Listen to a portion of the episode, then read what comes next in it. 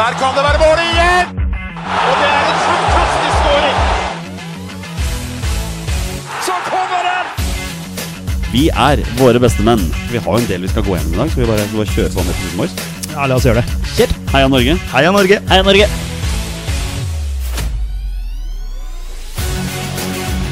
Takk, Ole Gunnar Solskjær!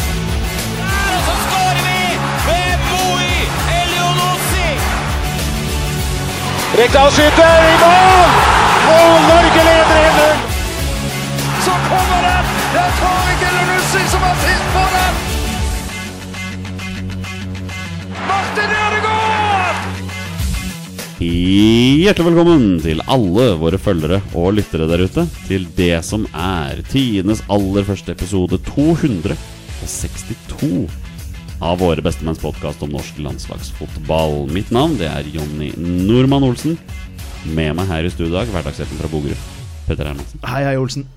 Ja, gratulerer med seier til, til, til Vålerenga og Leeds. Vålerenga og Leeds. Ja, Eh, det er ikke ofte. Nei, det er ikke ofte. Og ja, det var jo, for meg ble det jo en ja, supersøndag. Ja, Uh, Starta med å se Leeds eh, knuse Millwall, og så dra på Valle på kvelden og se Vålerenga endelig vinne hjemme. ja. Så, så det, det, var, eh, det, det, var- det var deilig. Vålerenga går fra å være suverent dårligst på hjemmetabellen i Eliteserien til å fortsatt være suverent dårligst på hjemmetabellen i Eliteserien. Ja, det er fascinerende faktisk den sesongen her, altså. eh, hvor eh, elendig man har vært på hjemmebane. Men eh, ja, det var en kamp som måtte vinnes, og det, det holdt. Og Leeds spiller farkefotball på, både Farkeball. på den. Ja, jeg sendte deg jo Ja, du gjorde det. 0-1-skåringa der. Den, Ja. er, eh, den er ganske sexy, den. Så ja, det, det ser bra ut. Og den eh, fireren til Leeds uh, tror jeg er kanskje den beste i championship. Det er ikke mange som, eh, som slår den, så det, det kan bli moro utover, altså. Ja. Vet du hva som ikke er moro for tiden? Uh, ja. Ja, det, ja, fotball er jo veldig sjelden moro. Ja, nei, det vil jeg ikke si. Noen ganger er det jo veldig morsomt. Ja, jeg tror Kjetil Siem sier det, at det er jo, det er jo bare lidelse. Ja, altså, nå har Skeid én uavgjort og elleve tap på de siste tolv seriekampene, så det er ikke så innmari gøy å være Skeid-supporter for tida.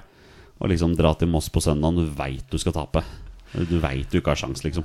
Ja, altså nå har jo de som, eh, de som har eh, sett eh, episodetittel og sett vår promo i dag, vet at vi har en keeper med oss i studio. Men, men han keeperen til Skeid, da?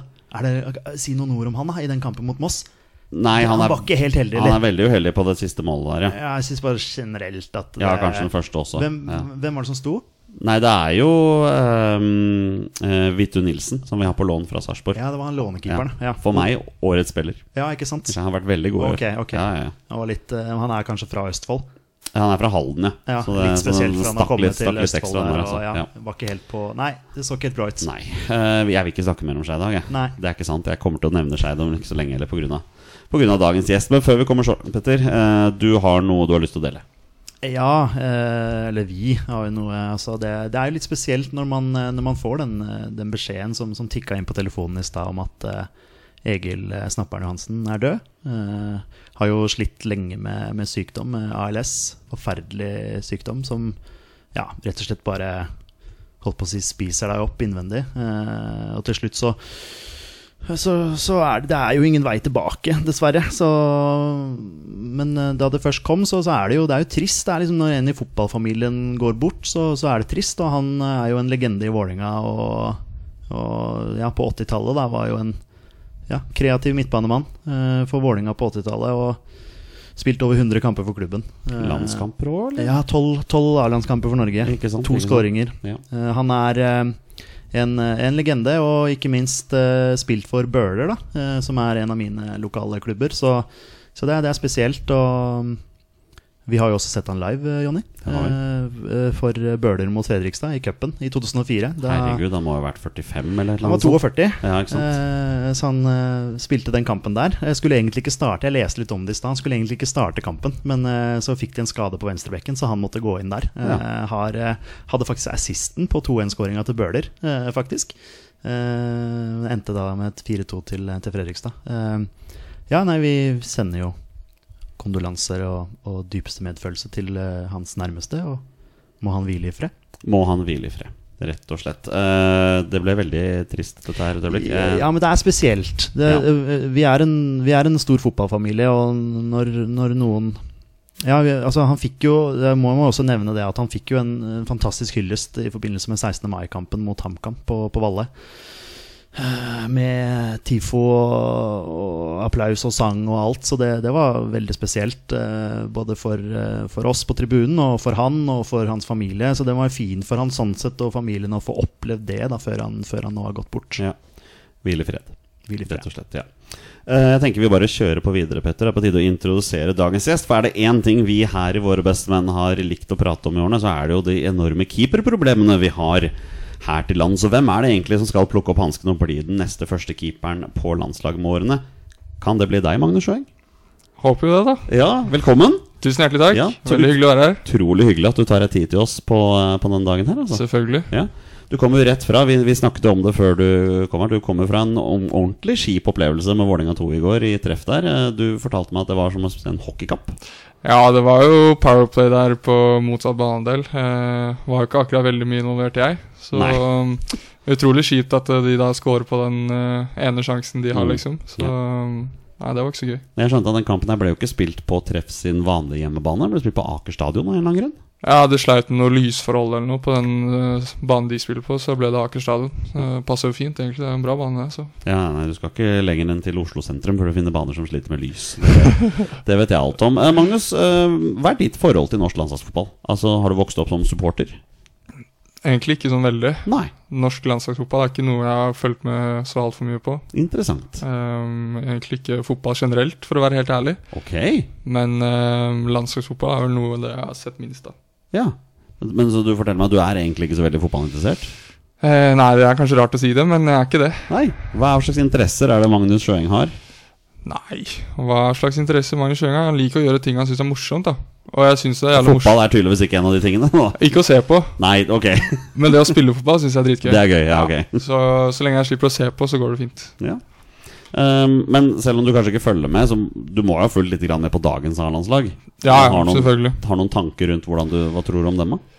Eh, nei, de sliter jo litt, da. Jeg har jo noen av de bedre spillerne de har hatt på lang tid, og så klarer de fortsatt ikke å få det til. Så jeg vet ikke helt hva som er svaret der, men eh, noe burde jo skje snart, da. Ja. Er svaret Ståle Solbakken som landslagssjef, tror du? Såpass mye vet jeg ikke. Nei. Det tør jeg ikke å uttale meg om heller. Nei, ikke sant Det er interessant, da. Eh, Det er ikke mange gjester vi har hatt her som ikke er sånn veldig fotballinteressert utenom banen. Nei, det er sant, eh, men vi har hørt om det før. Det er Ja flere ja spillere, men jeg har hørt at eh, Magnus er en eh, brukbar golfer. Stemmer ikke det? Stemmer det. Ja, så så det- bruker mye av fritida på det. Ja. Ja, Det- ja. ja. Men det er jo mange fotballspillere som gjør da At Ja, de ja. bruker det som en sånn avkobling. ja. Hvem, hvilke fotballspillere er det du golfer med? Eh, det blir mye Aron Kiel Olsen og Ja. Fredrik Oldrup Jensen. Ah, det er veldig variasjon i alder her. Ja, er vel 50 år, er han ikke det? Eller? Ser bare sånn ut når han spiller. Ja, det var det var det det var. ja. Så, nei. All right, stemningen er satt her, Petter. Jeg tenker, Skal vi bare kjøre på videre, eller? Ja, la oss gjøre det. Men du, da gjør vi det. Solskjær, og det er utligning! Det er utligning! Takk, Ole Gunnar Solskjær. 37 minutter. 1-1. Vi er da så heldige, Petter, at vi har fått besøk av eh, Magnus Sjøeng, som nå er U21-landslagskeeper og keeper i Vålerenga. Men jeg vil ta litt lenger tilbake i karrieren din, Magnus. Um, det er ikke alle som veit dette, her, men du er jo erklært uønsket på Nordre Åsen etter din overgang fra Skeid til Vålerenga som, eh, som 13-åring. Så jeg bare lurer på hvordan føles det egentlig å ha Judas som offisielt mellomnavn? Nei, det føles tungt når du sier det sånn, da. Det var ikke var ikke helt klar over det selv. Så Du hørte, det, du hørte det her først. Ja. Nei da, jeg, jeg tror ikke det er sånn, men det jeg egentlig ville tilbake på Du startet karrieren i Skeid. det gjorde jeg. Det er sånn det er, for du, har du er jo Engebråten-gutt. Engebråten-gutt, ja. Stemmer. Ikke, Ja, da kunne du egentlig havna i Kjelsås også. Ja, egentlig, sånn egentlig. Men jeg gikk jo på Grefsen barneskole. Ja. Og da var det jo sånn klasselag, som man kalte det på den tida. da Så da var det naturlig at jeg øh, begynte på Skeid. Ja. Der hvor alle i klassen begynte. da Så sant. det var sånn øh, det starta. Var det noen form for Kjelsås-Skeid-rivalisering når du vokste opp? Ja, uten Ikke tvil. Ja. Det var veldig sånn Når vi var yngre, så var det liksom alltid Kjelsås mot Grefsen. Ja. Så vi kjente jo ikke hverandre så veldig godt, men hver gang vi møttes på banen her, så var det alltid litt sånn uh, ekstra lyst til å slå de, liksom. Og sånn skal det være. Og selv, selv du, Petter, har fått med deg at Kjelsås og Skeid har en rivalisering. Ja, altså Faren min er jo Kjelsås-gutt. Altså, ja. så jeg har jo vært mye på Grefsen stadion og sett på Kjelsås. Men uh, ikke opplevd det der Skeid-hatet før jeg ble kjent med deg, egentlig. Eh, Det er jo du som har, eh, som har opplyst meg om det, da. Så jeg vet jo det at Og du det kommer jeg til å fortsette med. Ja, jeg vet at ikke du liker de blå smurfene, som Blå du kaller dem. ja. Yes. Sånn skal det være. Um, har du alltid vært keeper, Magnus? Uh, nei, ikke alltid. Det var vel når jeg bikka rundt ja, 10-11-12 år rundt der et eller annet sted, hvor jeg begynte å ta på meg hanskene ganske fast. Ja. Men før det så likte jeg egentlig å spille spiss. Ja, du gjør det? Ja, ja. ja, ja. Uten tvil. Vi snakket om det før vi begynte å spille inn her, at du har jo en høydefordel. eh, Og du har egentlig halvt det alltid, siden du var liten også. Ja, i hvert fall i forhold til de på min alder, da, så har jeg alltid vært et hakk eh, større fysisk, da. Ja. Så det kan kanskje lure litt i forhold til uh, hvor voksen jeg var i hodet. Ja, ikke Om man kan si det sånn. Så er det nok flere som forventa litt mer av meg enn det jeg egentlig kunne tilby. Ikke sant? Peder, du og jeg vi er jo gamle keepere, vi også. Vi hadde ikke høyden på vår eh, side. Nei, ganske vanlig høyde, egentlig. 1,80-ish, Ja, jevnt over der. 1,83 på meg. Det, er- ja, nei, men ja. eh, ja, Så det ble ikke noe, ble ikke noe keeperkarriere Vi på er oss. smågutter i forhold til Magnus Sjøeng borte, som Men jeg- jeg rager 1,97 over bakken. Jeg gikk motsatt vei. da Jeg gikk jo fra keeper til spiss. Ja. Så ja. Nei, jeg var vel egentlig alltid keeper. Jeg ble jo spiss når jeg ble gammel og grå. ja men du var god. Targetman. Ja, takk skal du ha. Um, men men um, når var det du skjønte at du liksom hadde potensial til å bli en god keeper? Uh, nei, det er vel en historie som jeg pleier å fortelle igjen, da, eller som pappa fortalte meg, som jeg kanskje ikke husker så godt selv. Mm. Uh, det var jo oppe på Korsvollbanen, når den en gang i tiden var grusbane. Så spilte vi femmerfotball. Og mm, da var det liksom Da drev og bytta på hvem som sto i mål og sånn, og den kampen så var det jeg som måtte ta på hansken og stå i mål. Og jeg var jo ikke særlig happy for det. Ikke sant? Sleng, Slenge meg på grus, og, så jeg var ganske sur før kampen, egentlig. Husker det godt sjøl. Det er ikke noe gøy. Så spilte vi kampen, og så gikk det jo litt etter litt. Og så kommer det et skudd da fra Ja, det er ikke så stor bane, så jeg husker ikke helt hvor langt unna det er, men det er ganske nærme. Helt nede i stålproten Og bare på instinkt, liksom, så bare ligger jeg ned der med hånda og redder den. Eh, uten å tenke meg om, liksom. Uh, så da var det en av fedrene da, på siden som sto ved siden av pappa, som bare sa sånn Han her kommer til å bli en god keeper. Ikke sant? Ja. Det skulle ikke mer til.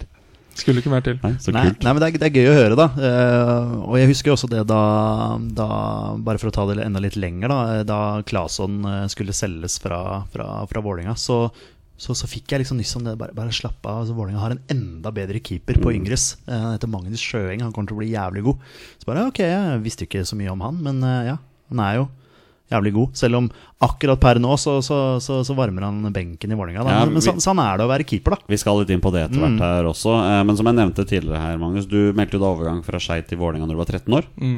Stemmer det? Stemmer det. Uh, og hvordan følte du selv at liksom utviklingen gikk fra du var 13 til f.eks. junioralder i Vålerenga? Hadde du god oppfølging? Altså, Hvordan var treningskulturen da? Um, treningen var utrolig bra. Uh, vi hadde jo som hovedtrener Så hadde jeg jo hele veien, hele veien han David Ribeiro, Ja. som er assistenttrener nå. Så han har fulgt meg egentlig helt fra G14, G16 og G19 opp til A-laget nå. da Kult. eh, Og så hadde jeg jo keep-trener i en polsk som het Kamil Rylka, Mm. som jeg hadde fra jeg var eh, da 13 til ja. juniorlaget en eller annen gang. Hvor han dro vidt i Haugesund. da Eh, Så treningshverdagen var eh, em, helt ny da fra det jeg kom fra i Skeid. Så jeg fikk jo litt uh, sånn sjokk når jeg kom til Vålerenga med en gang. Em, og sleit jo rett og slett litt med prestasjonsangst når det kom spesielt i kamper.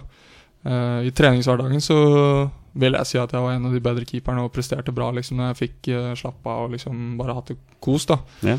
Mens med en gang jeg kom i kamp, så bare stoppa det, liksom. Ja. Så har jeg egentlig hele veien opp gjennom fra jeg var 13 og egentlig hele veien opp til juniorfotballen, så har jeg vært uh, nummer to i rekka, da. Ja. Og fighta litt uh, nedenifra. Så um, jeg er egentlig vant til den situasjonen jeg er i nå. Ja, Men er ikke det en fordel, da? At du veit litt av hva det går i? Det er jo det. Så selv om jeg ikke liker å være i den situasjonen, så kjenner jeg meg litt igjen fra tidligere. Så jeg vet hva som skal til. Ja, Det er jo tøft, tøft det, da. Du som prøver å stå litt i det.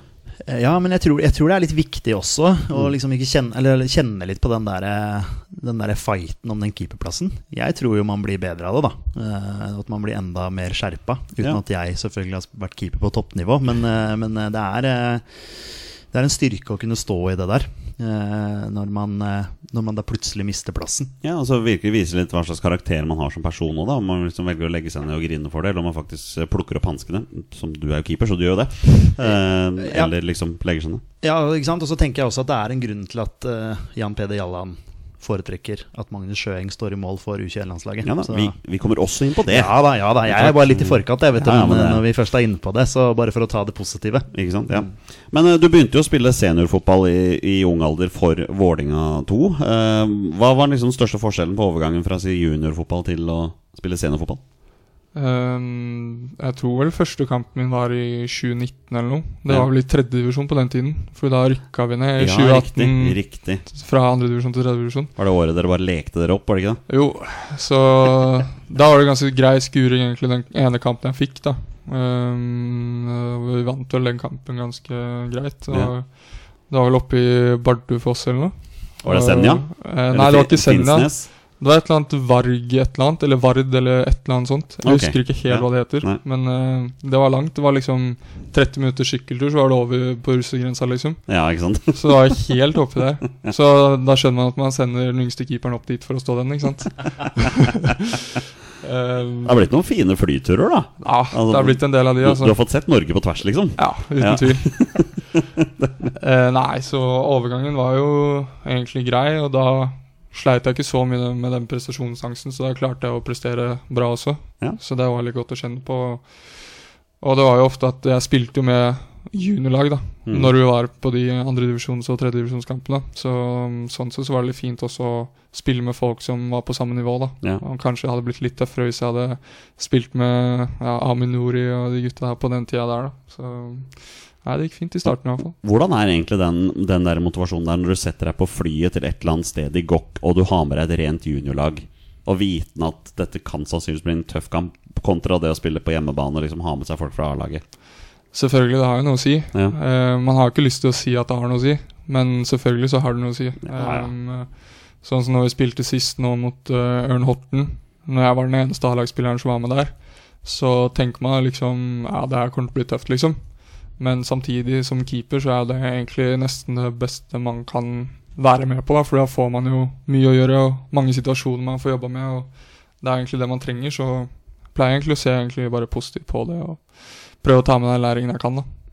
Ja, men det er jo en fin holdning, det òg, da.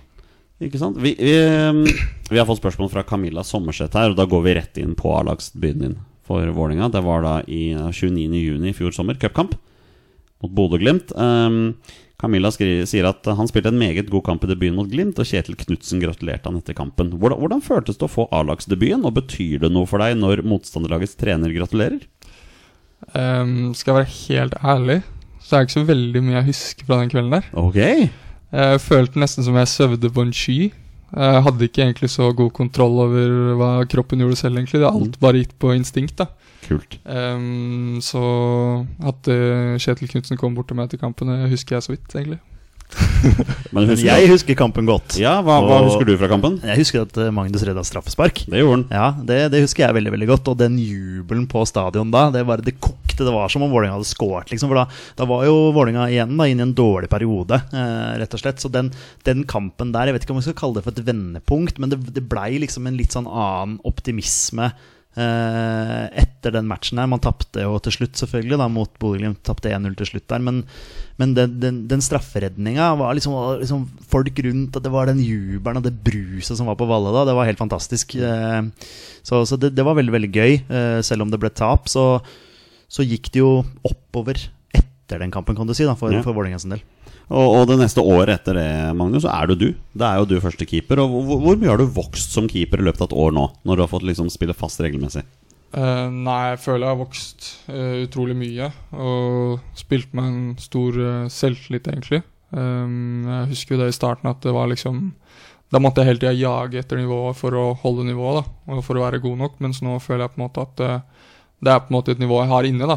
Som at jeg kan gå ut på banen der og stole på meg selv og vite at det nivået her har jeg inne. Um, men samtidig passe på at det ikke blir for komfortabelt også, ikke sant. Så det er en balansegang der. Eh, men eh, føler jeg har tatt eh, store steg siden de første kampene mine i Eliteserien. Ja, og Vi kan vel egentlig bare gå inn på det som vi har snakket om. Og Det har vært, det har vært en liten kjip periode for deg nå det siste. Du har rett og slett mista plassen i elveren til fordel for Jakob Storevik. Hva gjør det med med en ung keeper, når du liksom står fast i et år, og så nå skal du prøve noe nytt? liksom Nei, Det kommer helt an på hvem spør det, da. Da spør jeg deg, da. Spør du meg, så i starten så blir man dritsur Mm. og har lyst til å bare gi opp og hater hele verden, liksom. Det er jo sånn det blir i starten. Men så får man et par dager til å tenke seg om og se litt på situasjonen litt utenfra også. Og da ser man at um, det var kanskje en god beslutning av Geir. Um, sånn at jeg får, litt avstand på situasjonen og, og ikke føler at eh, alt står på mine skuldre da, i den tunge situasjonen vi er i, sånn som det har blitt. da. Så, sånn sett i etterkant så tror jeg egentlig mm, det har eh, vært mer positivt enn det har vært negativt for min del. Ja. Får du noen form for input fra trenerteamet liksom, på hva du må gjøre for å vinne tilbake plassen? Altså hva du kan bli bedre på? Sånne ting? Ikke spesifikt. Nei. Det, mm, det går bare dag for dag, egentlig. Så må jeg selvfølgelig utvikle meg og gjøre det jeg kan, men eh, den uh, keep-plassen, den, eh, den blir diskutert hver uke. Så den kan være hvem sin når som helst. Ja, det er bare å være, Du må være klar når muligheten kommer. Mm, Liksom. Mm, Uten tvil.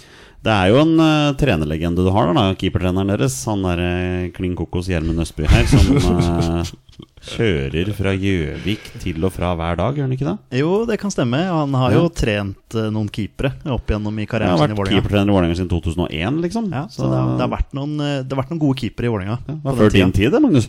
Ja, ja. Han Faktisk, har jo keepertrener før jeg ble født, nesten. Ja, Tror jeg. ja var det jeg fant ut her. Så ja. Hva slags type er dette her, da?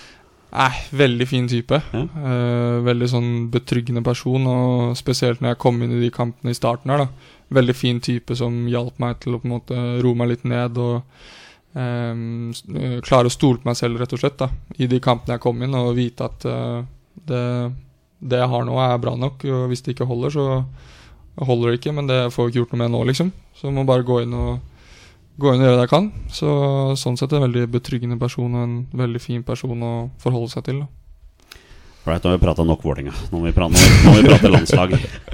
Dette her er tross alt Nei, jeg hater ikke Vålerenga, Petter. Jeg bare tenker at vi må Jeg har ikke sagt noen ting. Nei, nei, nei. nei, nei. Vi, vi må prate landslagsfotball. For dette er, vi det. er jo en landslagspodkast. Og når jeg går gjennom karrieren din, Magnus, så legger jeg merke til at du har jo ikke spilt mye, mange U-landskamper gjennom karrieren, liksom. Eh, Du fikk debuten din for G19 for to år siden, Mm. i september 2019. Og det var liksom første gang du spilte U-landsfotball. Ja. Var du i nærheten av noe G15, G16 og sånne ting? Aldri egentlig vært noe i nærheten av det. Um, det er som jeg sa i stad, at jeg alltid slitt litt med det mentale eh, opp igjennom i forhold til å spille kamper og sånne type ting. Så jeg var vel med på én landsdelssamling på G14, Mm. hvor jeg eh, hadde skuldrene egentlig over hodet. Og var dritstressa, liksom. Så prestasjonene kom jo deretter, og gikk eh, ganske dårlig. Eh, så etter det så har det vært eh, lite landslagsfotball fram til eh, det året du snakker om. da. Hva husker du fra landslagsdebuten din, da? Eh, nei, det var vel mot uh, Frankrike, hvis jeg ikke tar helt feil. Stemmer det? I Frankrike? Ja, uh, Det gikk jo, ikke bra for deres del. Det gjorde det. Vinner vel 2-1. Ja. Eh, og så mm, hadde jeg jo faktisk en strafferedning der òg. Du hadde det? Hadde det. Ja. Eh, redde straffe, men så scorer de på returen, da. Så det er jo det e- ene målet de får. Så sånn sett så er jeg jo godt fornøyd med den kampen. Ja. Så Å vinne mot Frankrike også, det er jo ganske stort i den første kamp, det. Rødt kort fikk Frankrike òg. ja. Tanguy Kouassi, som spiller i Sevilla nå, han eh, fikk Ah, rødt kort i denne kampen. Ja, ja. Uh, fun fact, Petter. På benken for Frankrike, Georginio Rutter. Ja, Ja, jeg skårte jo for, for Leeds for Leeds. Han gjorde det. Gjorde det. Uh, Magnus, hvis jeg utfordrer deg til å si førsteelveren til Norge i den kampen Vår. Uh, Nei, jeg tenker på Ja, mot Frankrike. Ja, mm. Tar du den, eller? Eh, Det var meg, i hvert fall. Ja, Det er riktig. Du har Ja, én. Takk. Eh, Erik Tobias Sandberg. Ja, stemmer. Han var kaptein, til og med. Colin Røsler. Colin Røsler, ja. Um, Lasse også, eller? Han eh, På start, benken. starta på benken, men han kom inn og scora. Ja. Ja. Um, han som er i Ullskisa, han spissen. Hva er det han heter igjen, da? Eh, høy og blond med krøller i Ullskisa. Mm, jeg tror ikke du er inne på noe her. Eh, Ikke? Han var med på samlinga, i hvert fall. Ja, Nei, unnskyld. Eh, Jeg vet hvem du tenker på. Han spiller ikke i Ullskisa nå lenger. Ikke? Han har meldt overgang til Bjarg, faktisk. Ah, Ok. Um, Mathias Sundberg. Ja, riktig. Ja. Spilte? Han spilte og skårte. Ja, Ja. stemmer. Uh, Obelor Denslo Keke. Yes, han starta og fikk gult kort og ble bytta ut. Um, Leo Kornic. Leo Kornik, Ja, nei, nå er du god, altså. Um, Bakai. Ja, stemmer. Uh, midtbanen har jeg ikke, ass. Nei? Så resten av spillerne har jeg ikke, tror jeg. Kan ta resten, jeg. Ja. Jo, Jole Vuka eh, Ja, spilte stemmer. den kampen. Magnus Knutsen Mm. fra Lillestrøm. Halvor Rødøren Oppsal. Ja. Eh, Jakob Hanstad, som nå er tilbake i Lyn. Mm. Eh, ja, og det var elveren, da. Ja. Og i tillegg så kom Tobias Hafstad inn, og Alexander Sandnes. Mm. Eller hvordan man nå sier det. Han ser ut som han har lagt opp, faktisk. Ja, han kjenner han godt også. God kompis, så han Ja. har gitt seg med fotball, han. Ja, Det er litt så spesielt når man gir seg i så ung alder òg, men det er motivasjon. Mentalitet, andre ting som kanskje frister. Ja, tror er andre ting som frister litt mer. Så det er jo fair, det. Ikke sant? Um, men hvis vi hopper fram nå, da. Vi har jo et helt nytt U21-landslag på gang, og det virker som de har valgt uh, førstekeeperen sin. Ja, Får håpe det, da. Får håpe det. Fikk i hvert fall spille de to første kampene nå. ja, og det gikk jo ganske bra, det. Du Ja. holder, jo nullen i begge kampene her. Ikke at jeg hadde så mye å gjøre, men uh... Nei, altså, vi, vi må være ærlige og si at San Marino U21 og Latvia U21 det, det virker jo ikke som det er solide lag, men du holder nullen, og dere vinner 7-0 i begge kampene. ja, Så, så liksom smultringer var godt å ha med, men stemningen i gruppa Bra. veld, veldig god. Ja. En veldig bra gjeng og bra samhold. Eh, Det er jo mange 03 og 04 med i laget, da. Som har vært mye sammen tidligere på U-landslagene. Mm. eh, Som har en veldig god kjemi, spesielt eh, de i angrepsrekka vår. da Mm. Oskar Bob og Schjelderup og Isak og alle de gutta De kjenner hverandre veldig godt. da Ja. Og har veldig gode relasjoner sånn sett. Og så har vi en litt mer rutinert eh, forsvarsrekke og eh, sekser der med Mm. mye 02-ere, da som Ja. vi også kjenner hverandre veldig godt. Ja. da Så sånn sett så føler jeg laget er veldig bra satt sammen og gode relasjoner. De rutinerte gutta bak skal liksom la unggutta foran få lov til å leke seg. Ja. Litt sånn der, ja Helt riktig. Det er jo en tropp hvor liksom du, har, du har en gjeng som spiller i Norge, og så har du noen som liksom spiller i utlandet. Og jeg, jeg, blir sånn nysgjerrig liksom på dynamikken her. Liksom. Når dere liksom sitter på hotellrommet deres liksom diskuterer livet som utenlandsproff kontra liksom, er, Opplever du at utenlandsproffene er blaserte, liksom? Eh, nei, det er akkurat det jeg syns er veldig fint med de gutta som er på den samlingen her. Da, at eh, Jeg føler at alle er på en måte på lik linje. At uh, alle har en veldig stor respekt for hverandre. da Og en veldig åpenhet. Så jeg føler ikke at uh, om man spiller i Manchester United, da, som Isak gjør, eller i HamKam, som Halvard gjør, Mm. så føler jeg ikke det har noe å si egentlig hvordan Nei. man blir tatt imot. Nei, det går omtrent for det samme akkurat nå, det er HamKam og Manchester United. Er, ikke, ikke langt unna, i hvert fall. Jeg tror det er mer idyll i HamKam, faktisk. Ja, faktisk. Manchester United akkurat nå. Um, vi hadde jo Jan Peder Jalland som gjest her for, for en måned siden. Eh, vi må ta to ord om han. Hva syns du om han som landslagstrener og som person?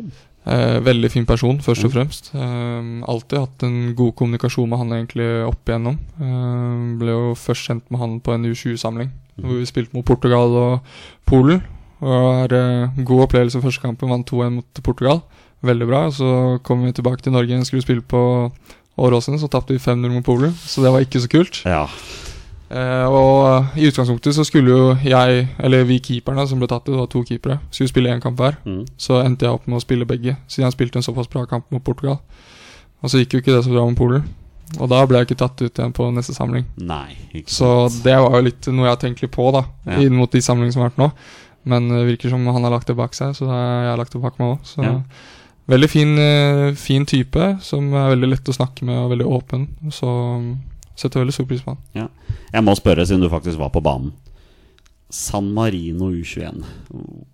Hvor gode, hvor dårlige var de sånn egentlig? Altså Det er fordi jeg snakker om Vi har alltid vokst opp med at San Marino er laget som alle skal grisemanke, liksom. Og der ser jeg for meg at U21-landslaget kanskje ikke holder så innmari høyt nivå. Nei, det var vel en av gutta som kødda litt med det før kampen. At uh, kampen ble utsatt fordi noen av dem måtte jobbe overtid. Uff. vi er der, ja. Så nivået der var nok ikke all verden, nei. Nei. Eh, vi har fått spørsmål fra en som heter Erik, som lurer på hvem imponerte Magnus Sjøeng mest under U21-samlingen. Um, da er det jo veldig lett å si Oscar Bob, da. Ja. Men han har jo vært med på U21-samlinger tidligere, så han Mm. har jo sett mye av. Så han eh, vet jeg har et veldig høyt nivå. Ja. Så den jeg ble mest overrasket av sånn sett, er vel egentlig Isak Aarøen. ja. Han imponerte meg veldig. Veldig god på små flater og ser nesten ut som ballen er limt i føttene hans. Så mm, veldig god spiller. Ja. Du må jo spørre om Leo Gjelde, da. Han spilte jo den kampen, han også. Ja.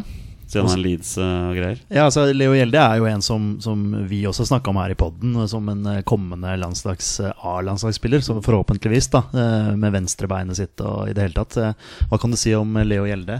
Nei, han også kjenner jeg jo fra tidligere U21-samlinger. Um, veldig fin type. Um, veldig utadgående og liker å prate mye. Uh, og det kan være en av hans styrker da, til å bringe laget sammen og kan være en god leder. Um, så veldig bra type, og også veldig god fotballspiller. Og som du sier, så er han jo fortsatt han er venstrefot også, så tjener mye på det. Jeg tenker vi bare hopper gjennom i spørsmål fra lyttere her. Vi har fått så utrolig mye gøy. Eh, en som heter BVSB lurer på hva er dine kortsiktige og langsiktige mål? Nei, hvor kortsiktig skal man tenke da? Vinne tilbakeplassen? Kan kan begynne der.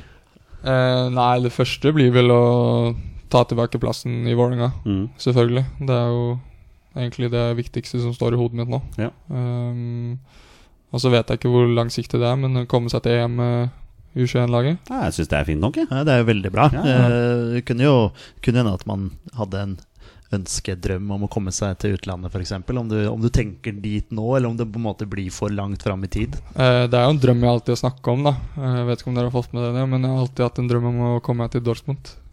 Ja, ikke sant? Ah. ja, men det er veldig konkret, da. Fra tidlig alder så har det alltid vært en drøm. Og har jo gjennom skolegangen så har jeg tatt eh, språk, tysk, da. Bare pga. at jeg har lyst til å komme meg til Dortmund, Ja, liksom. det er jo dritfett. Wow, ja, så det, kult. Det synes jeg er kjempegøy. Ok, så hvis det er noen eh, representanter fra Dortmund som hører på, så, så er det jo bare å Ja. Ja. Være, med, være med Dortmund, som er liksom Eh, det var vel den eh, Champions League-finalen i 2012-2013 mot Bayern München. Ja, Ja, stemmer det. ja, ja. Ja, ja, ja. Da, da ble jeg egentlig um, helt fanga. Når jeg så den trioen på topp der. Lewandowski, Royce og Götze. Oh, ja Så det. kult. Det er drømmetrioen, liksom. Ja, ja, ja. Så etter jeg så den kampen her, jeg tror jeg gikk i syvende klasse eller noe, så så jeg den sammen med noen klassekamerater. Um, og etter det så har det bare vært uh, Dortmund, liksom. Men hva, hva er best av eh, den gule veggen og østblokka? Uff, Nå har jeg ikke opplevd den gule veggen, da. Så da har du bare et svar, faktisk. bare Det er det blir jo bare østblokka da. Ja, ja, ja. jeg, jeg forventa jo egentlig bare at du skulle si østblokka, altså ferdig med det. Jeg tror vel selv østblokka har respekt for den gule veggen. Altså. Ja da, men den Eh, er, den er bra, østblokka òg. Altså, Ja, sånn, ja, eh, den stiller sterkt, den, Ja, altså. veldig, Veldig veldig bra. Men eh, det er klart når vi ser på kvalikgruppa deres da til EM i 2025 Irland, Italia og Tyrkia liksom er de andre lagene her. Mm. Har dere begynt å se litt på de? Ja, når vi så på Latvia inn mot de, så hadde jo de spilt mot Italia tidligere. Ja. Så da så vi jo bilder på både Italia og Latvia sånn sett, da. Og da så vi jo egentlig at Italia så vel uh, overraskende dårlig ut, rett og Ja. slett. Mm. De spilte jo 0-0 mot Latvia. Og der vi vant 7-0, liksom, så eh, Jeg har ikke sett så mye på dem, men eh, virker som at Italia er ikke så sterk som man egentlig skulle tro. Nei. Så jeg tror mulighetene våre for å gå videre er eh, veldig gode, altså. Ja, vi skal i hvert fall følge med.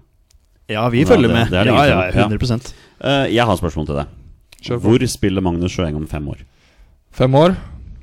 Eh, tipper eh, et sted i Nederland eller Belgia. Ja, ikke sant? Ha det der mellomsteget Ja, der og hoppe litt videre. ikke sant? Det er jo Ja. akkurat det der eh, som vi også har diskutert x antall ganger i poden her, med å liksom ta det litt steg for steg. Det er jo sånn som en, ja, en keeperkollega kan vi kalle det, Kristoffer Claesson, som, Mm. som, som da velger å gå og ta det steget fra Vålerenga og ganske massivt steg rett til Premier League. Hvor, hvor, hvor mye tenker du på det der å på en måte ikke gape for høyt da i neste steg? Eh, nei, det er jo utrolig kult da, å få den muligheten som Claesson fikk, liksom. Og mm, der og da så er det masse publisitet, og man tenker Premier League og ditten datten. Men jeg tenker i det lange løp så er det kanskje ikke det beste man kan gjøre, da. Fordi da får han, som det har blitt, da, så har han ikke fått spille noen ting. Eh, og får jo Da stagnerer ut, utviklingen litt, da. Fordi det viktigste for en keeper er jo å spille kamper. Um, så jeg føler at det blir veldig viktig å ta noen mellomsteg. da Se på f.eks. bare Haaland. Han syns jeg har tatt en veldig smart eh, karrierevei, da. Um, Det sier du bare fordi han gikk til Dortmund. Det er bare, bare, derfor. Kanskje. Nei, men det er litt, det er litt fasit, da. Ja, ja, klart det. det Haaland har gjort sånn sett, så, Ja. å bygge seg opp gradvis. Og det er det vi også ønsker. Så, altså Martin Ødegaard også tok jo også det der store steget til Real Madrid. Og så har han gått noen omveier, men nå ikke sant, briljerer i Premier League. Så Ja, det, det er jo mulig Jeg, jeg tenker for Claesson sin del, bare for å ta det ikke sant? Vi, vi har jo et, et ønske om at han kanskje holdt på å si stepper ned litt da, og tar et steg til en klubb hvor han blir satsa på. Fordi det skulle jo være vår neste A-landslagskeeper. Ja, ja. Både han og Hedenstad Christiansen, som også har stagnert litt i Lillestrøm. Mm. Er, eh, så, så, så, så veien er åpen, da, Magnus. Det er det jeg prøver å si her. Ja. Så, ba- så bare først og fremst, ja, vinn tilbake den plassen. Så, så vet jeg at det, er, det vil alltid være interesse for unge keepere som spiller fast i Eliteserien. Sånn, sånn, er det, sånn vil det jo være. Vinn tilbake den plassen, og så tenk deg nøye om da når disse tilbudene kommer. Så hvis Chelsea kommer og sier du skal bli fjerdekeeper, så sier du nei. Den, den lar vi bare være. Ja. Um, vi hiver, hiver uti med spørsmålene her. Sigurd, også kjent som soneforsvar, lurer litt på hvordan en keepers rolle er med tanke på å dirigere Forsvaret. Hvor mye tid bruker du på å rope beskjeder underveis? Eh, Det kommer egentlig veldig an på fra kamp til kamp. da Eh, Sånn som du sier, Når man har østblokka bak seg, så er det ikke alltid like lett å få slengt ut beskjeder.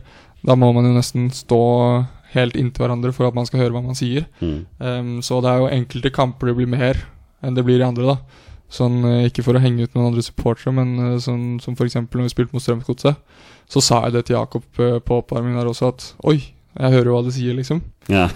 Så det er liksom Det blir enkelte kamper hvor det blir mye mer dirigering, Fordi da har man det har faktisk noe for seg.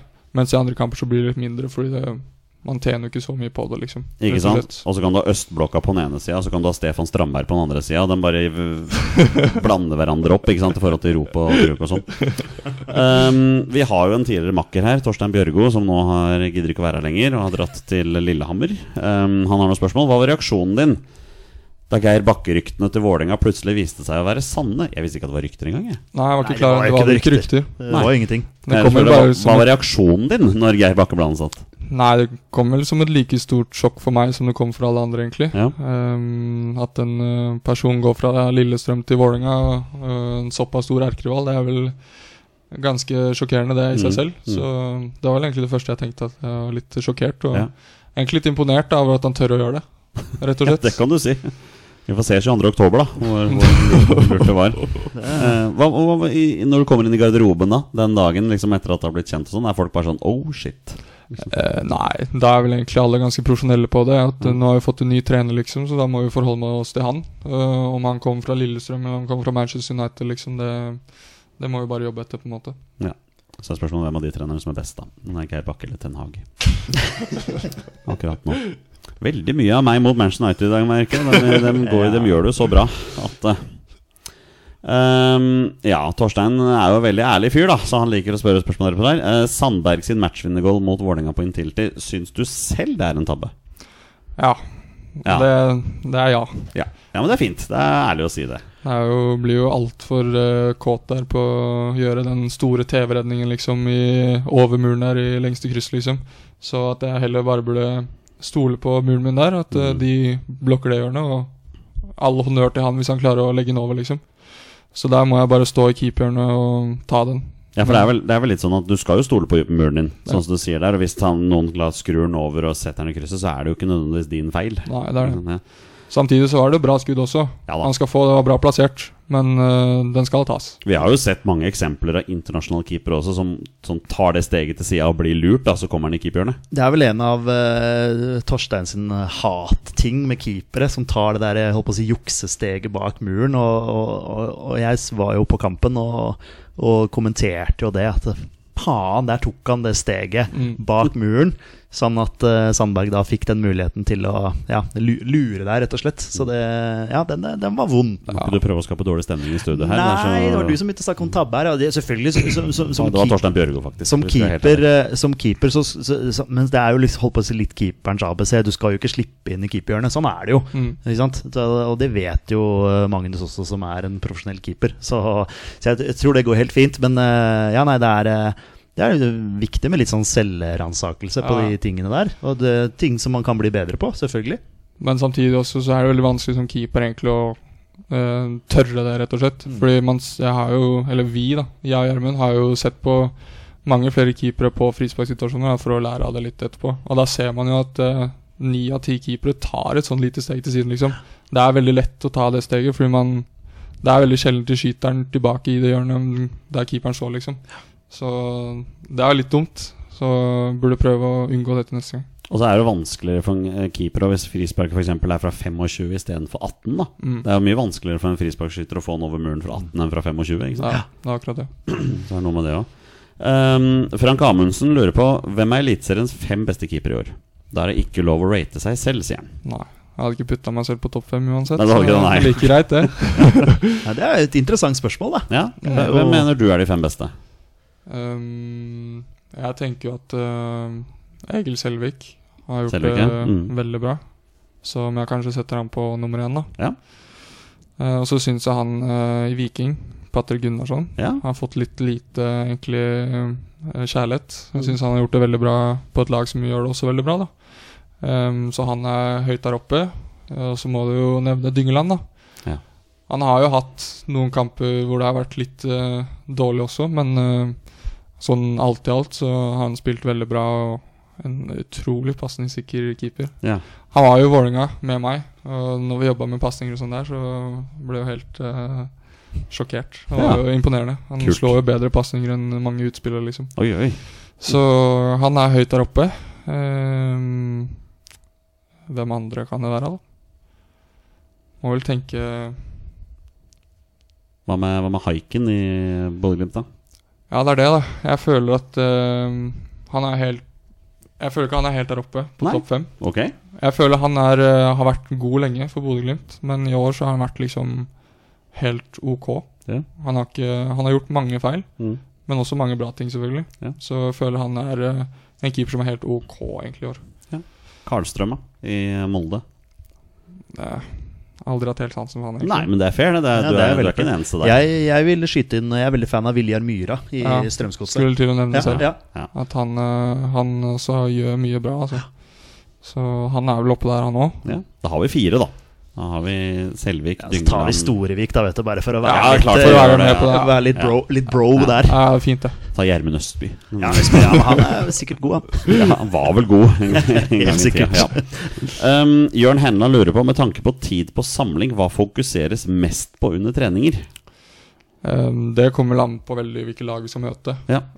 Nå som det var Latvia og San Marino, så er det enkelt å tenke at det blir mye offensivt. Ja. Så da var det mye hvordan vi skulle opptre offensivt, og relasjoner sånn sett, og veldig mye offensivt, da. Ja. Mens jeg tipper nå, når vi skal inn mot Italia, så blir det kanskje litt mer på det defensive, Mm. og litt mer frispilling bakfra, kanskje, og litt sånn type ting. Men samtidig, når du da skal møte to lag som du er helt sikker på at du kommer til å dominere, det, det må både, både du og dine forsvarsspillere foran må jo være ekstra på tå hev, da. I Ja. tilfelle liksom Oi, der kommer en sjanse, faktisk. Ja, uten tvil. Uh, så der blir det veldig viktig med offensiv markering, da. Mm. Og det sleit jo på Det ble vel én situasjon der hvor de hadde en stor sjanse. Hvor jeg måtte faktisk gjøre en redning. Um, så der så vi litt. Så det er som du sier veldig viktig at vi er på selv om det blir lite å gjøre. Ja. Han kom fra samlingen med én redning da på, på to kamper. To. Så To, to, To, redninger. to redninger, ja. Sorry. Nei, unnskyld, hvordan kunne jeg glemme det? Nei, ja, det er to, to smultringer, det er det viktigste. ja. Eh, Bjørn vil jo ikke bli helt ferdig med Vålerenga, da. Eh, hvor bra har det vært for Vålerenga å få litt Balkan-blod inn i troppen? Ja, tenk på Ilic og Bitri, da. Hvordan er disse to, da? Ehm, veldig snille, Ja. overraskende nok. Utrolig, utrolig snille typer og veldig ydmyke. ja. Og veldig lett å prate med. Um, så egentlig litt uh, uvant Balkan sånn sett. Men ute på banen der så bringer de jo en helt ekstrem kraftpakke, begge to. da. Ja, ja. Fikk jo vise deg fram litt han Ilic nå. Mm. Han eh, var litt uheldig mot Viking, men uh... Bedre med huet enn med beina. Jeg syns du er snill. Litt uheldig er eh, Ja, nei, jeg ville brukt andre kra- kraftpakker der, altså. Nei, det var, det var ikke bra. Men den headinga, spesielt den 3-1-skåringa der, er fin, da. Hvor Ja. han liksom Han styrer den bort i motsatt hjørne. Det er, ja. Der viser han klasse. Hva syns, hva syns du om Sten Grytebust sin innsats på det første målet der? Vi snakka om det på benken. Ja, dere gjorde det, ja? Ja, vi gjorde det. Ja. At, uh, det er vel mye Jeg tror ikke han er helt fornøyd med den involveringen. Det er, du tror det, ja? Den går rett på den. Ja, Så Den er mulig å ta. det er mulig å ta. det vil jeg si. Det er til og med mulig å holde den, vil jeg Ja. nesten påstå. Ja, det, ja. Jeg hadde kanskje ikke holdt den, jeg, men uh, Nei, okay, men redning burde i hvert fall vært. Ja. Ta med beina, egentlig. Det Nesten, Faktisk. det er for øvrig noe jeg stusser veldig på ofte. At liksom, du, du ser sånne skudd hvor keeperen slenger seg ned der rett ved siden av. Ikke Bedre bare stikke ut en fot. Jo, det der uh, gjør jeg litt for mye av det andre du sier. da Ja. Jeg blir litt mye fot. Så når det kommer litt skudd litt utenfor, så er jeg ofte med foten. Da blir jeg litt kort. Ah, ja, ok Morsomt. Jeg er lov å være ærlig på det. Uh, Olai Årdal med spørsmålet Alle lurer på hvor god er Stefan Strandberg? Stefan Strandberg har sine styrker Ja, og sine svakheter også. Alright. Det må man ikke legge skjul på. Um, veldig pasningssikker stopper. Veldig fin fot. Treffer uh, Hvis han er innstilt på det, så treffer han egentlig der hvor han har lyst til å treffe. eh, Egentlig hele tiden. Um, og så er han veldig um, god i boksen, føler jeg. da At han er veldig sånn duellsterk når det kommer innlegg uh, på hodet. Og veldig god på klareringene. da Mm. Han, eh, Det virker nesten som han alltid vet hvor han skal putte de klareringene. Istedenfor å gi den til en motstander, så gir han alltid til oss eller Ja. langt vekk. da Men så er den selvfølgelig ikke den raskeste. Nei. Så det må man jo jobbe litt etter da Ja. og tenke på. Så sånn sett så, Men sånn er det med alle. Man har jo sine styrker og svakheter, Mm. så man bare finne den finne beste måten å uh, fremme styrkene og skjule svakhetene. Spilte seg litt opp mot Ålesund her. Var jo noen gode blokkeringer. Ja da, ja, er. og, og ja, det har jeg sagt i poden her i de siste episodene. Og Strandberg har vært bra nå i de, i de kampene hvor Vålerenga faktisk har ikke har tapt. Så har Stefan stått fram som en, eh, som en bra, bra midtstopper. Men når vi bare er inne på midtstoppere, Magnus. eh, Jeg tenker på Aron eh, Kiel Olsen. Eh, har, han fått litt ufortjent lite sjanser, eller? Hva tenker du om det? Jeg tenker jo akkurat det du sier der. At jeg føler han fortjener egentlig mye mer spilletid enn han har fått. Eh, det var f.eks. mot, uh, mot eh, Molde, når det var uh, Juklerud som måtte ut. Uh, Pga. en skade tidlig i første omgang der. Så hadde vi jo Suta, Oldrup og Stefan som stoppertrio. Og da tenker jeg det blir logisk å ja, sette Sota ut på wingback da, og så sette inn en midtstopper. Da hadde jo Kreutzliger og Aron liksom, og Kjeldsen også for så vidt på benken klar til å komme inn. Eh, men da velger de å sette inn Torgeir Børven, liksom. Eh, så mm, jeg syns litt synd på han, rett og slett. At han ikke har fått uh, den spilletiden han egentlig fortjener. Ja, for der har du en hurtig stopper. Mm. Uh, Og veldig duellsterk Og også. veldig duellsterk, ja. Mm. ja nei, for han uh, Det er klart han har vært litt skada òg, selvfølgelig, men, eh, men han er jo en spiller jeg hadde veldig trua på. Etter det som var levert i KFUM og, og, og sånn, da. Men altså, han er jo enda ung. Ja. eh, ganske ung, i hvert fall. Så, så han har jo, har jo tid på seg. Men eh, i den stopper jeg holdt på å si, krisa i gåseøynene som har vært i Vålinga hvor man til slutt da henter Biteri. Biteri er bra, han altså, for all del. Men uh, man, man har jo noen, noen gode stopper i Vålinga òg. Mm. Men jeg, jeg skjønner at man vil ha en litt mer uh, ja, rutine. Ja. Ja, det er jo litt sånn som når Vålerenga er i den posisjonen de er i. Må tenke litt uh, Kanskje ikke droppe, spille, droppe spillutvikling akkurat nå, og heller prøve å berge en plass. Ja, det er jo det det handler om nå. Det er rett og slett. Man Ja. merker jo det har blitt en liten skifte når Gerbakk har kommet inn. At han har litt mer fokus på det. Og ha litt eldre spillere som har litt rutine. Det merker man egentlig veldig godt. Det er jo ikke så altfor mange av oss unggutta som får spille lenger. Det er vel Risnes nå, da. Og så fikk Kjeldsen spille nå pga. at Oldrup var suspendert. Ellers enn det så er det jo bare eldre gutta nå, så Mm. man merker at det har blitt et lite skifte. da Kjenner jeg misunner det liksom som kan gå inn i høsten her med liksom sommerfuglen i magen og glede deg liksom over hvordan laget skal gjøre det, mens mitt lag var ferdig med sesongen i august, liksom. Ja, det er, Det er eh, det er, man gruer seg jo også litt, da. Det er jo forferdelig å ligge nedi bånn der. Ja, men vet du hva, Jeg tar heller det enn å gå apatisk på hver eneste Skeid-kamp resten av sesongen. Altså Bare for å møte opp og fullføre, liksom. Ja. Uh, den 69. mann-podkast er inne her med spørsmålet som kun har ett riktig svar. Så da blir det opp til Magnus Sjøeng å si det riktige svaret. Hva synes han egentlig om VAR? Ikke så veldig fornøyd med den. Herlig. Bra. Jeg sa det vel egentlig ganske greit etter den Odd-kampen. Ja. Da ble jeg intervjua etter kampen, og da var jeg greit pissed. eh, og da dagen etterpå så sendte jeg melding til, um, til um, Tina og spurte om eh, Fordi de 69 mann har jo de genserne sine. Ja, ja. For jeg hadde jo lyst til å kjøpe den, ikke sant. ja. Men akkurat på det tidspunktet så støtta jo Vålerenga VAR, ikke sant. Så da kunne Ja. ikke jeg gå ut og si at jeg hater VAR, liksom. Nei. Så jeg fikk jo ikke lov seg der, altså. så jeg fikk jo ikke lov til å kjøpe den da. Nei. Men um, nå som klubben har endra litt mening, så Ja. er jeg litt gira på å investere i en sånn. Altså. Men jeg tenker liksom sånn som den Odd-kampen hvor du er inne på det der Da, da fikk vi noen kroneksempler på hvor ræva VAR fungerer i Norge. Men jeg tenker for dere som, som er på banen, liksom altså, hvordan opplever dere det å stå der i det som føles som en halvtime og vente på et svar, liksom? Det blir jo utrolig lenge. Ja, Det er jo, man mister jo helt uh, kampfølelsen, egentlig. Det er jo Man står der i syv minutter, og hva skal man tenke på, liksom? mm. Man må jo prøve å holde seg inn i kampen og tenke at det fortsatt er en fotballkamp, men når man står der nesten helt stille i syv minutter, så blir det jo uh, lett å miste fokus, da. Ja. Dessverre. Ja. Men uh, vi gjorde det så bra som vi kunne ut fra Ja. situasjonen. Du så kampen du, Peder?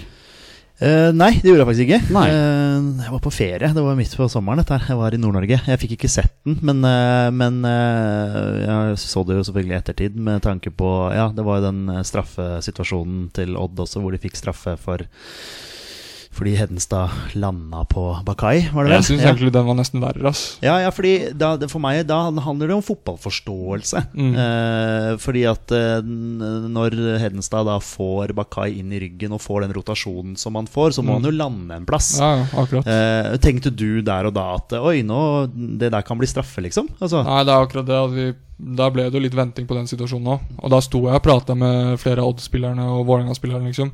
Og da er det jo ingen som oppfatter situasjonen i det hele tatt, egentlig. Så det er ingen som tenker at her kan det bli noen situasjon ut av. Ja, for det er liksom Idet situasjonen skjer, så tenker ikke du eller noen på banen at dette var noe i det hele Nei, tatt. liksom. ingenting. Vi Nei. tenker bare nå er det fem meter, liksom. Fortsett spillet, på en måte. det, er, men det er, det er jo ingenting. Og det er klart at når dommeren da i ettertid snakker om at han har sett på et stillbilde og sånn altså, Det er klart at når du får et stillbilde av at en tråkker på en annen Selvfølgelig, det ser jo forferdelig ut, men, men, men det, igjen, det handler om fotballforståelse. Sånne ting skjer jo hele tiden. At man, man er uh, uheldig, og så må man jo se hva som, hva som er grunnen til at Hedenstad lander sånn som han gjør. da Eh, Fordi han får den eh, dytten eller den skubben i ryggen og får den rotasjonen som han får. Men det er ja, jeg mener Odd burde vært fair der og bare spilt ballen ut. Det hadde jo vært det aller, aller beste. Ja, men de gjorde ikke det, da. Nei da, men sånn er jo fotballen, da. Man Ja. tar jo det man får. Ja. Vi avslutter med det som er det suverent viktigste spørsmålet alle har fått. Det kommer fra Martin Amundrød. Eh, hvilke hårprodukter bruker han for å alltid ha så strøken midtskill? Ingenting. Ingenting. Nei. Jeg våkner, våkner om morgenen, så ser det ut som et helvete. Det må jeg si. Men uh, gå bare inn i dusjen, tar kam, og så legger det seg av seg selv, egentlig.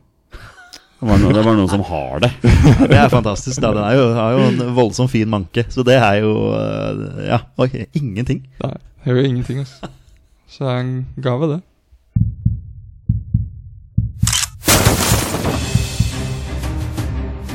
Er han nåværende landslagsspiller? Er han utenlandsproff? Er han fortsatt aktiv? Er han back? Har han spilt for Rosenborg?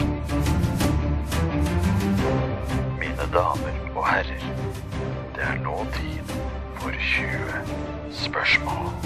Det er på tide å avslutte som vi pleier, med en runde med 20 spørsmål. Petter og dagens gjest Magnus Sjøeng har 20 ja- og nei-spørsmål på å komme fram til spilleren jeg har funnet fram. Og det, mine herrer, det er en spiller som har minst én A-landskamp for Norge. Bonusregelen her i Våre bestemenn er at når de gjetter navn på en spiller, det er spillet over, og dere har vunnet eller tapt. Ingen tvister i dag, Petter. Vi har tross alt med oss en gjest, så nesten alle spørsmål er up for grabs. Ja, gjesten kjenner på litt øh, Vær så god. ja, Tusen takk. tusen takk Ja. Gjesten kjenner på litt prestasjonsangst her. Ja, Det er, øh, nå, har jeg, nå er jeg ganske dreven, da. Ja så jeg stoler på deg. Ja. Ik ikke noe press, Magnus, men nesten alle gjester klarer det på første forsøk. Så det er, Nei, det tror jeg ikke på. Nei, okay, nei. Men vi, øh, vi samarbeider jo. Ja. Sant? Vi er jo på lag her. Ja. Så vi skal, jo, vi skal jo finne en spiller her. Skal vi Ja. se, vi spør først vi om han er Er han fortsatt aktiv. nei. Ok, Ikke aktiv spiller. Tenker du, Magnus, hvor skal vi gå en videre? Eh, Hva har du lyst til å finne ut her for at vi skal komme i mål? nei, det er jo det, da. Det er jo så mange spørsmål man kan Ja, stille. liksom. hva vil du vite om, om denne personen? Um, jeg har jo veldig lyst til å spørre om han har spilt i Vålerenga, liksom. Men det er jo et dumt spørsmål. Nei, kjør på, du. Har han spilt i Vålerenga? Ja. Oi. Det er en liten sånn Vålerenga-link her i dag. Oi. Ok, Han har spilt i Vålerenga. Første navnet du tenker på? Som ikke er aktiv lenger. Har du noe sånn som popper inn? Jeg tenker på snapperen, da. Ja, men det er, for, det er for Ja, det er jo en veldig fin, det, men det er jo, dette er jo fra 90-tallet. Ja altså, si. De må ha landskamp etter jan- i 1. januar 1990. Ja, ok. Ja. Så det er fortsatt veldig tidlig for deg, men, men uh, som det- regel gjestene våre har noe ja. kjennskap til det. Ja. Det vil jo like, Ja, så det vil jo være å tenke på at dette kanskje er en spiller fra din tid, da, hvis du, altså, Mm. hvis du skjønner. Uh, du er født i 2002. 2002. Ja, nei, Jeg lurer på om vi skal komme oss inn på en posisjon her. jeg. Ja, jeg tenker jo spiss, da. Du tenker spiss? Ja, han- ja, den første tanken min er Jon Carew, liksom. Ja, der har du også et veldig, bra, veldig bra navn. Ja, ja. Spør om han Ja, Er det en spiss? Nei. Ok. Man pausa litt der. Hmm. Mm. Ikke spiss. Kan være en kant, da. Det er en offensivt anlagt spiller, kanskje, dette her. Eh, vil du si at det er en kantspiller, Olsen? Å, dra litt på den. Off, er, er det en offensivt anlagt midtbanespiller? Kan vi si det sånn, eller? Nei? Jeg kan si at det er en offensivt anlagt spiller. Offensivt anlagt spiller. Ja, og så lar vi det ligge der. Ok, så det er ikke en spiss direkte, men han har kanskje vært litt på spissplassen innimellom, kanskje Ok, Han er en offensivt anlagt spiller. Offensiv spiller. Spiller ikke lenger. Spiller ikke. Morten Berre Ja. har vel eh, en landskamp eller noe sånt nå. Han er jo et hett navn. Han spilte jo litt sånn Ja, men på landslaget Jeg husker ikke hvor mange kamper han fikk engang. Én eller to. Fredam Holm, da. Fredam Holm også er jo en, eh, er et godt navn. Har vel heller ikke så veldig mange landskamper. Ja. Eh, går jo an å spørre om han har spilt i Skeid, selvfølgelig. Nå har jo du en link til Skeid også. ja. Skal vi spørre om det, da? Ja, la oss gjøre det. Spilte i Skeid? Ja. Oi. Da er det jo Morten eller Fredam Holm eller Daniel Bråten. Daniel Bråten kan også Han har spist, da, eller? Nei, Bråten spilte jo litt overalt, da. Gjorde han det? Ja, Ja. Han var på kanten og har til og med vært med på backplass han i, såpass, ja. i både Skeid og Brann, tror jeg. Avslutter ikke han i Skeid da, Jonny? Daniel Bråten? Jo, det, det gjorde han, Ja. og i løpet av en sesong så spilte han på ti forskjellige posisjoner på banen. Stemmer. Bortsett fra keeper. Men dette er jo selvfølgelig Jeg tror Jonny tar utgangspunkt i posisjonen han spilte på landslaget. Da. Jeg, jeg, kan også se for meg, jeg kan også se for meg Bråten uh, som veldig sånn anvendelig. Ja. At han kan spille litt uh, overalt framme i banen. da Mm. Men vi kan jo utelukke Har han spilt for Rosenborg? Ja. Ja, Det har jo både Fredheim Holm og Daniel Bråten. Ok. Så da forsvinner jo Morten Berre, da. Mm. Ja, vi er jo inne på noe her nå, tror jeg. Ja, det er jo to navn, da. Ja, Muligens. ja det er de to, i hvert fall. Det går jo an å Ja, spørre har han spilt i Brann. Daniel Fredheim Holm var vel innom Aalborg, mener jeg husker, i Danmark. Eh, Daniel Fredheim Holm er jo i trenerteamet i Eller nei, ikke trenerteamet, han er, er en scout eller noe sånt en eller annet i Koffa? I Koffa. Han Ja, er i Koffa. et, ja, men det er et eller annet han jobber med der nå. Noe, sånn- sportssjef? Nei, et eller annet, en eller annen stilling. ja. Um, ja, hvilken vei skal vi gå? Hvem heller du mest mot? Nei, jeg føler jo Føler litt eh, de argumentene du sier om Daniel Bråten her, at han er veldig anvendelig, liksom. Ja, Det kan være mulighet der. han har jo spilt i Premier League, f.eks. Det Ja. går an kan vi jo spørre om. Spilte jo i Bolten der. Ja, Skal vi prøve oss på den, da? ja. Kjør av, Magnus. Han spilte Premier League. Ja. Ja, da må det være det, da, eller? Det må nesten være det, da. Altså, har han spilt for Brann? ja. Da Ja. har vi den. Da er vi sikre. Ja, Kjenner du noe mer til han? Altså sånn Nei, jeg eh, kan ikke noe mer enn det du har sagt. Altså. Nei. nei. Uh, noen sånn kontrollspørsmål. Nå har vi både Skeid, Rosenborg, Vålinga, Brann, Premier League. Premier League. Ja. Om det er et eller annet eh, man kan eh, kontrollsjekke her, da. Bare for gøy. Mm. Ja, det kan du mer enn meg. Så det Ja, det tror jeg på. Hva mener du med det? Nei, det er jo en ungfole vi sitter med her. Var det ikke tolv år eh, vi ble enige om at eh, Magnus var? Så det Den blir 13. november, faktisk.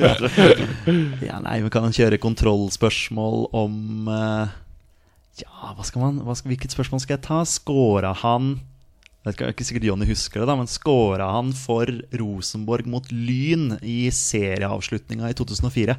Ja. Han gjorde dessverre det for Vålerenga sin del. da Det var jo vi som kniva med, Rosenborg om å ta gullet. Ja, men da har vi den, eh, Magnus. Du kan få lov til å Er det Daniel Bråten, da? Gutter? Det er Daniel Bråten. Ja, Bra bra. Bra Se der, gjort. Se der. Veldig bra.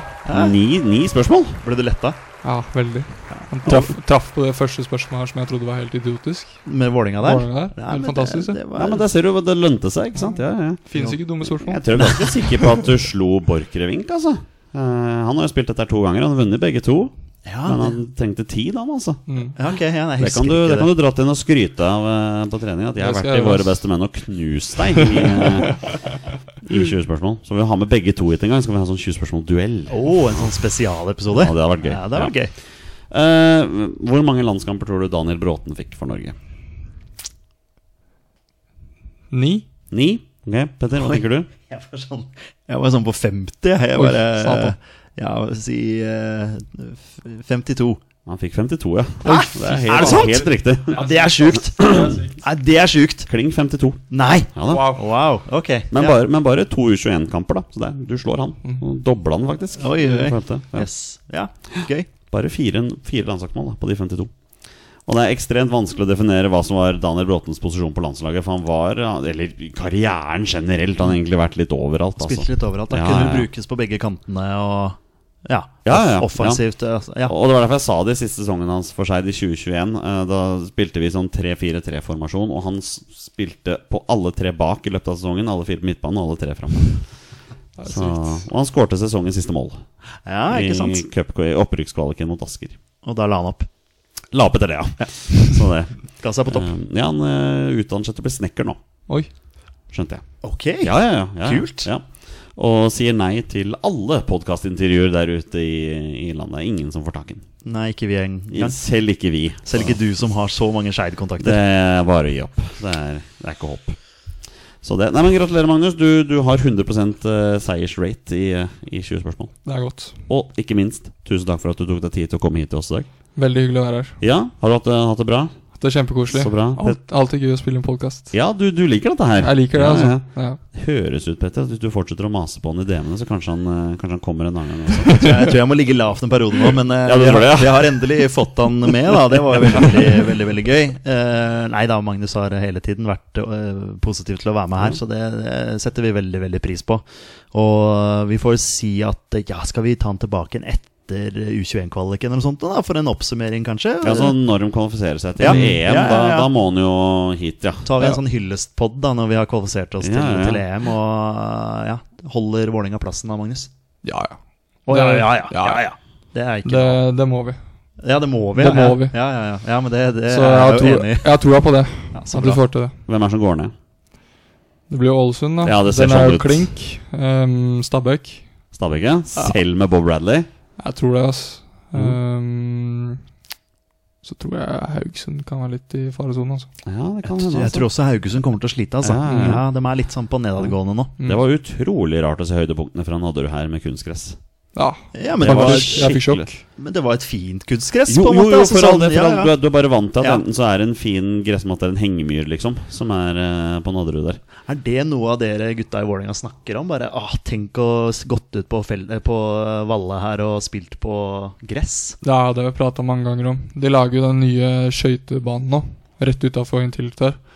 Og vi har vel drømt et par ganger om hvis de hadde lagt uh, tre gressmatter der istedenfor hvor det kunne vært et treningsanlegg, da, og så legge om til gress på Intility, så hadde det vært uh, drømmen, det. Ja, det er drømmen. ass. Alles drøm, men det blir ikke en realitet.